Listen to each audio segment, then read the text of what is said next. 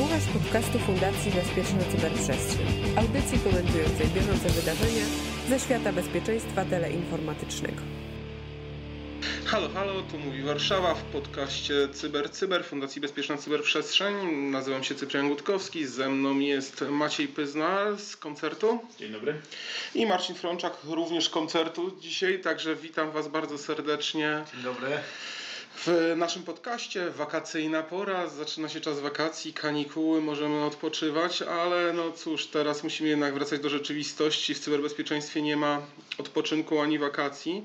E, pojawiła się pewien, pewna koncepcja w pewnym artykule, jest stwierdzenie pewnego faktu, że mm, w przypadku ransomware niektóre firmy działają na takiej zasadzie, że zwyczajnie płacą okup, ale nie te firmy, które zostały sakowane, tylko te, które teoretycznie mają dla nich odzyskać dane.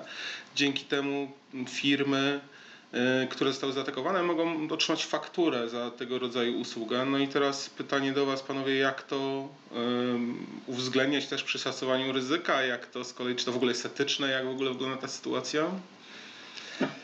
Zawsze tak. rzucam, rzucam weter, czekamy, patrzę na Maćka ogólnie, bo Maciek z reguły zawsze pierwszy się tutaj odezwie, w związku z tym Maćku do Ciebie to pytanie skieruję prosto. W każdym zebraniu jest tak, że ktoś musi zacząć, tak? E, no rzeczywiście, artykuł, o którym mówisz jest już w sumie dość leciwy, ale dobry case nigdy się nie starzeje, więc, e, więc rzeczywiście było tak, że przynajmniej jest mowa o dwóch firmach, które e, jakby zaprzeczają temu, ale w sensie oferowały usługi odszyfrowania danych po potencjalnym ataku e, ransomwarem. No i rzeczywiście e, udawało się to zrobić dzięki wyrafinowanej technologii tej firmy, tylko że ta wyrafinowana technologia polegała na tym, że najzwyczajniej w świecie płacili okup e, ale poznawali klucz, no, no tak, no, właśnie w związku z tym potrafili odczytać te dane.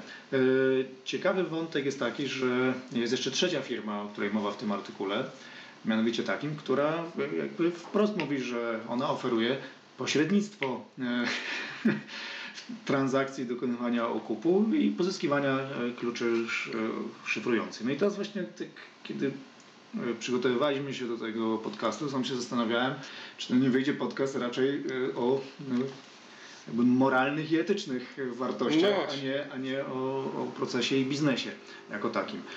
Ale jakby być może kontrowersyjnie powiem, ale uważam, że skoro przeprowadzamy ocenę ryzyka, szacujemy je tak, i podejmujemy jakieś środki mitygujące to ryzyko, i jednym z nich jest e, właśnie na przykład korzystanie z usług firm trzecich wyspecjalizowanych e, w tym, żeby nam pomóc na wypadek e, zdarzenia, które zakłóca naszą działalność, no to ja uważam, że zapłacenie okupu jest równoprawnym środkiem, który moglibyśmy wykorzystać w stosunku do tego, co, no, co jest już teraz zaplanowane, czyli albo transferujemy ryzyko na ubezpieczyciela, co jak w naszym poprzednim podcaście wykazaliśmy, może się okazać nieskuteczne. E, tak e, tutaj no, wydaje mi się, że Płacimy mniej po prostu, kiedy sami to, to zrobimy, niż musimy płacić jeszcze komuś prowizję za to, że on. E, to znaczy, ja tutaj powiem, że rzeczywiście w tym wypadku to ubezpieczenie znowu mogłoby nie zadziałać, bo tutaj mamy do czynienia z Iranem dość mocno, akurat w tym konkretnym case'ie.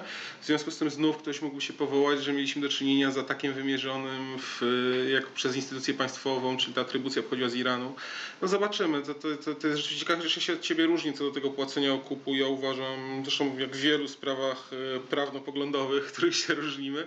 Natomiast tutaj, tutaj faktycznie no, płacenie okupu nigdy nie jest dobre, bo bo nie jest. Ja nie powiedziałem, że jest dobre, tak? Stwierdziłem tylko, że powinno być rozpatrywane na równi z innymi środkami mitygacji ryzyka, bo tak naprawdę no, kupujemy sobie tutaj czas tylko i wyłącznie, tak? No bo jeżeli zostaniemy pozbawieni informacji na, w systemach e, komputerowych, w których te informacje są dla nas cenne, no to prawdopodobnie nie zastosowaliśmy wcześniej e, innych sposobów mitygacji tego ryzyka w postaci backupu albo e, no, sposobów na zapobieganie tego typu zdarzeniom.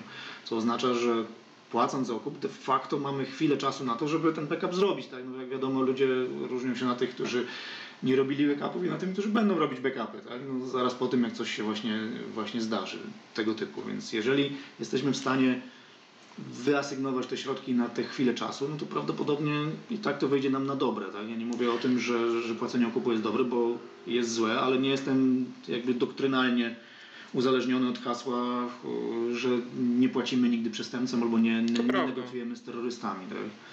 Negocjować trzeba i tutaj to ja się zgodzę, że czasem to wręcz pomaga, jest potem przydatne już w organom ścigania.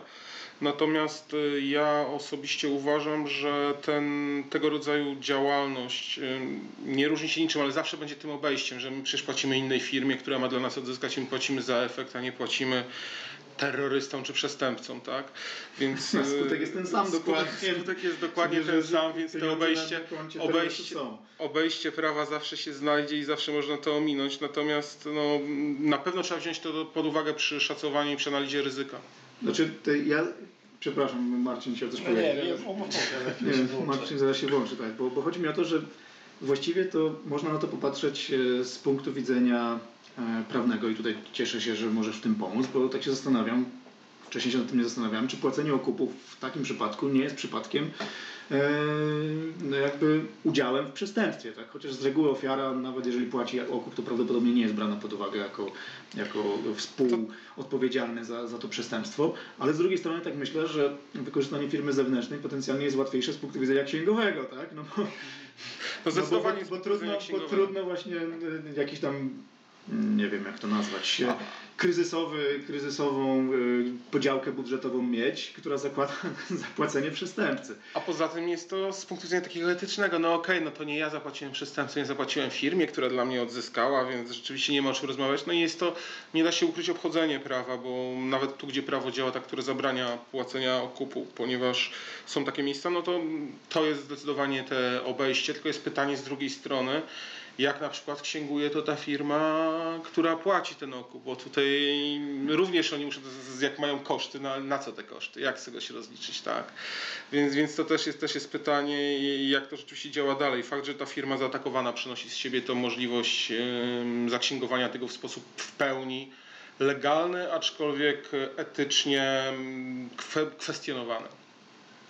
No nie wiem, ja w każdym razie, jeżeli w ocenie ryzyka stwierdziłbym, że ryzyko zaszyfrowania moich informacji, w związku z tym pozbawienia mnie istnieje, no to założyłbym, że jednym ze środków mitygacji jest zapłacenie po prostu tego okupu i, no i przewidział to najzwyczajniej w świecie, czyli założył portfel bitcoinowy, na którym jest określona y, liczba tych bitcoinów które pozwalają zapłacić okup i oczywiście to nie, byłby, nie byłoby płacenie okupu dla wszystkich stacji roboczych, tylko dla tych, dla których mamy zidentyfikowane te najważniejsze i najcenniejsze dla nas informacje. No, no nie wiem, no ocena ryzyka jakby jest doktrynalnie jakby pozbawiona wszelkich naleciałości, tak mi się przynajmniej wydaje. W związku z tym no, powinniśmy to wziąć pod uwagę. A teraz nasz ekspert. Po 8 minutach. Nie, ja tak przysłuchiwałem się i chciałbym coś powiedzieć e, w opozycji do Was i chciałoby się powiedzieć, że faktycznie tak jak tutaj Cyprian wspomniałeś ten wątek Iranu i że e, z terrorystami się nie negocjuje. E, ja sobie jeszcze oprócz tego artykułu przeczytałem taki przewodnik FBI co należy robić, gdy, żeby zapobiec e, ransomware'owi, co kiedy już staniemy się jego ofiarą. I tam ciekawy, są, są ciekawe stwierdzenia, że oczywiście oprócz wszelkich takich metod zapobiegawczych, które są tam wymienione, typu żeby budować świadomość wśród pracowników, żeby mieć dobre filtry na pocztę itd. Tak itd. Tak no i po, po stronie tej reakcji, czyli oczywiście backup, o którym wspomniałeś. No ale może się zdarzyć tak, że, że wszystkie te metody zawiodą, backup też będzie zaszyfrowany albo koszt jego przywrócenia systemu z backupu będzie dosyć duży.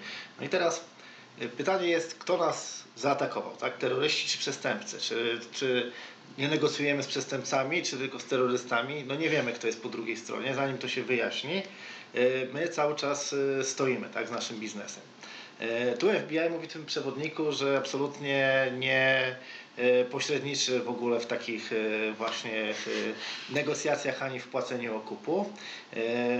Jakieś tam wywiady z, z bezpiecznikami w Stanach i w, w Anglii pokazują, że wszyscy mówią, że nie należy płacić, Ale FBI FBI w tym samym przewodniku mówi, że no, ofiara powinna rozważyć jednak koszty e, odzyskania tego biznesu i, i po dogłębnej analizie podjąć trudną decyzję o, o tym, czy płacić, czy nie. No więc oczywiście napisane jest, że oni nie zachęcają do tego, no ale pozostawiają taką furtkę, tak? Więc jednak FBI też ma świadomość tego, jak trudne jest e, e, odzyskanie biznesu po już jak staniemy się ofiarą ransomware'u. No i też daje taką, taką możliwość w tym swoim przewodniku, no żeby jednak się zastanowić, czy ten okup płacić. Więc ja bym się tu też zgodził, że należałoby to jednak uwzględnić w tej analizie ryzyka. No dobrze, ale czy w związku z tym powinniśmy mieć na tą procedurę? Jak, jak byście to widzieli? Czy Znaczy, taki, nie- zbiera się zespół kryzysowy, no, omawiamy sytuację rzeczywiście. Ja mam- bym chciał, mamy, mamy ja bym sytuację widział to trudną w, i- w procedurze, tak? Ja bym rzeczywiście widział to jako procedurę, która przynajmniej będzie w stanie coś zagwarantować, że będzie to zrobione z głową, że jesteśmy na to przygotowani, a nie nagle działamy nie wiadomo jak, bo rzeczywiście ja się, znaczy dokładnie tak jak FBI, nie polecam, Nie aczkolwiek zdaję sobie sprawę, tutaj dochodzimy do tej odwiecznej walki w filozofii prawa i paradoksem terrorysty, który podłożył bombę w centrum miasta, no i mamy go u siebie w pokoju przesłuchań. I czy możemy czy nie, użyć tak. tortur, czy nie możemy użyć tortur, bomba wybuchnie za dwie godziny, no i albo nie ma czasu na ewakuację, albo używamy tortur, albo nie. W państwie prawa nie powinniśmy ich używać, ale dwa miliony ludzi niewinnych, jeżeli by to było w Warszawie, no więc to, to jest to odwieczne pytanie w filozofii prawa, które się pojawia, dlatego ja jestem za tym, żeby posiadać takie procedury i jeżeli już coś się rzeczywiście takiego wydarzy, być może każdą sytuację należy rozpatrywać indywidualnie. No i ten kazus może być taki, że rzeczywiście ta opłata może być konieczna, a wtedy posiadanie procedury pozwoli na opanowanie chaosu w organizacji. Tak, tak myślę, że jakby, no, jakby celem w ogóle działań zaplanowanych jest, jest ograniczenie skutków związanych właśnie z chaosem i, i czasem, który jest potrzebny do podjęcia decyzji, dopóki nie wyklaruje się sytuacja. I to jest jakby często ten czas decyduje o życiu lub śmierci, tak jak na przykład w przypadku rannych czy, czy wypadków drogowych, no to w przypadku firmy również może zdecydować Przynajmniej- o tym, jakie będą te koszty. Nasze. Tak, to, to znaczy dla mnie minimum jest posiadanie procedury zakładania portfela bitcoinowego. Tak? To uważam, że to jest, to jest minimum, które Ja powinno uważam, być... że ten portfel powinien już być, jeżeli we wcześniejszej ocenie ryzyka. No tak, ale weźmy pod uwagę, że na przykład może być to rzeczywiście nawet mówić możemy o małej firmie, która jeżeli teraz się zwracamy nawet do mikroprzedsiębiorców, prowadzę swoją firmę, zostałem zhakowany, mam tego ransomware'a i to jest tam te kilkaset złotych, których ode mnie oczekują. No i teraz jest pytanie, policja bardzo możliwe, że tym w ogóle się nie zajmie niestety. Ym, Natomiast no, no, no, muszę wiedzieć jak to robić, więc być może ta procedura, ta znajomość tego jak założyć ten portfel, jak tam przeksięgować pieniądze, to, to jest no to się już martwią, No. przepraszam, przestępcy martwią, to za dużo powiedziane, tak? No, wysyłając ci tylko dokładne instrukcje, jak masz to zrobić. Tak? Yy, No rzeczywiście wydaje mi się, że, że jak jest to zaplanowane, to znaczy, że yy, jest również brana pod uwagę odpowiedzialność za to. No? Bo jeżeli robisz to ad hoc, yy, no to jakby nie myślisz o tym, czy, czy popełniasz na przykład przestępstwo, czy, Tak. czy zrobiłeś wszystko zgodnie z procedurami, czy jesteś w stanie się jakby w cudzysłowie oczywiście obronić później, ale no, chyba to powinno być wcześniej jednak mimo wszystko zaplanowane. Albo to jakby pokazuje też moim zdaniem dojrzałość e, organizacji, że, że bierze pod uwagę również e, takie rzeczy. No wiadomo, że najłatwiej jest zlecić coś firmie trzeciej i umyć ręce, no ale to trochę przypomina mm, nie powiem, że piłata, ale, ale, ale tego typu działania, no bo no okej, to nie ja, tak? To nie ja zapłaciłem ten okup, ja otrzymałem klucz, jak oni to zrobili, to właściwie mnie nie interesuje. Tyle tylko, że no, no, sprowadza się to do tego samego.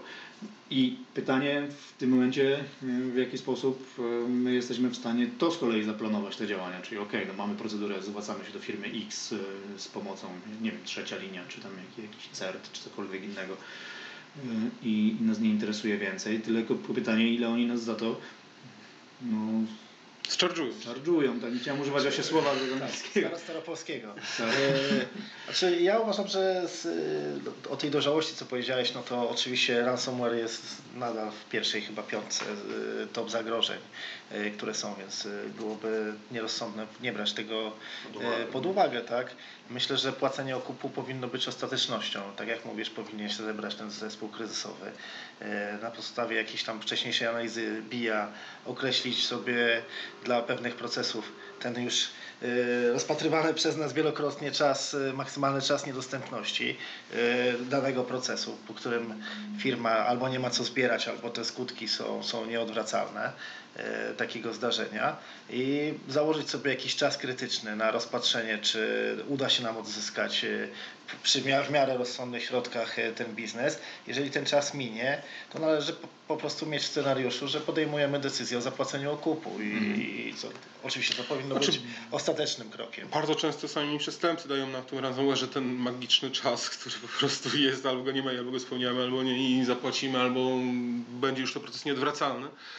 Natomiast no, no rzeczywiście te, te procedury, ja się do tego przychylam, że faktycznie powinny być, bo nigdy nie wiadomo, czasem będzie ten przypadek. Łatwo jest sobie gdybać i mówić, że nigdy nic nie zapłacimy, być tym takim idealistą, natomiast e, czasem sytuacja zmusza nas do innego postępowania i wtedy warto mieć na to procedury, nawet jeżeli byśmy mieli jej nigdy nie użyć. Tak, właśnie zastanawiam się w kontekście naszej poprzedniej rozmowy, czy, e, czy przypadkiem Merck i producent e, ciasteczek Oreo nie, nie podeszli do tego doktrynalnie, w rozumieniu takim, że okej, rozpatrujemy takie rozwiązania, w związku z tym, że nie płacimy przestępcom, to, to się ubezpieczamy od tego, od tego ryzyka. Tak? No i no, okazuje się, że znaczy, to jest oczywiście czysta spekulacja z mojej strony, że, to ubezpieczenie w tym przypadku nie zadziałało. Tak? No, i, no i skutki są takie, że, że straty setki milionów dolarów i, i, teraz prawdopodobnie długotrwały proces sądowy z ubezpieczycielem o wątpliwym e, wyniku dla, dla firmy. Znaczy,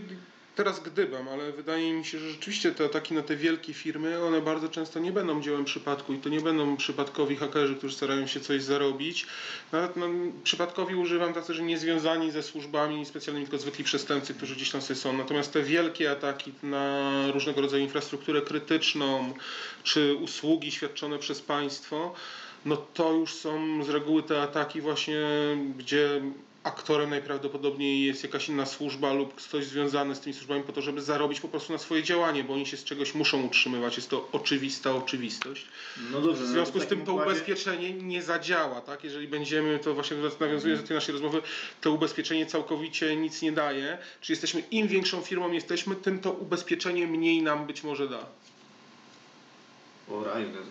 No, to kon, jest- bardzo kontrowersyjna teza, ale Y, Bo ja się zastanawiałem nad tym, jeżeli uważasz, że, że pewnikiem jest to, że, że jakieś obce służby mają w tym swój udział, no to czy właściwie nie powinniśmy się zwrócić do, do takiego FBI, które, które swoją drogą od razu wie, że umywa ręce, bo nie, bo oczywiście- nie pośredniczy. Tak? Oczywiście w swojej teorii spiskowej możemy dojść do tego, że wcale to nie muszą być obce służby. To, to bez przesady.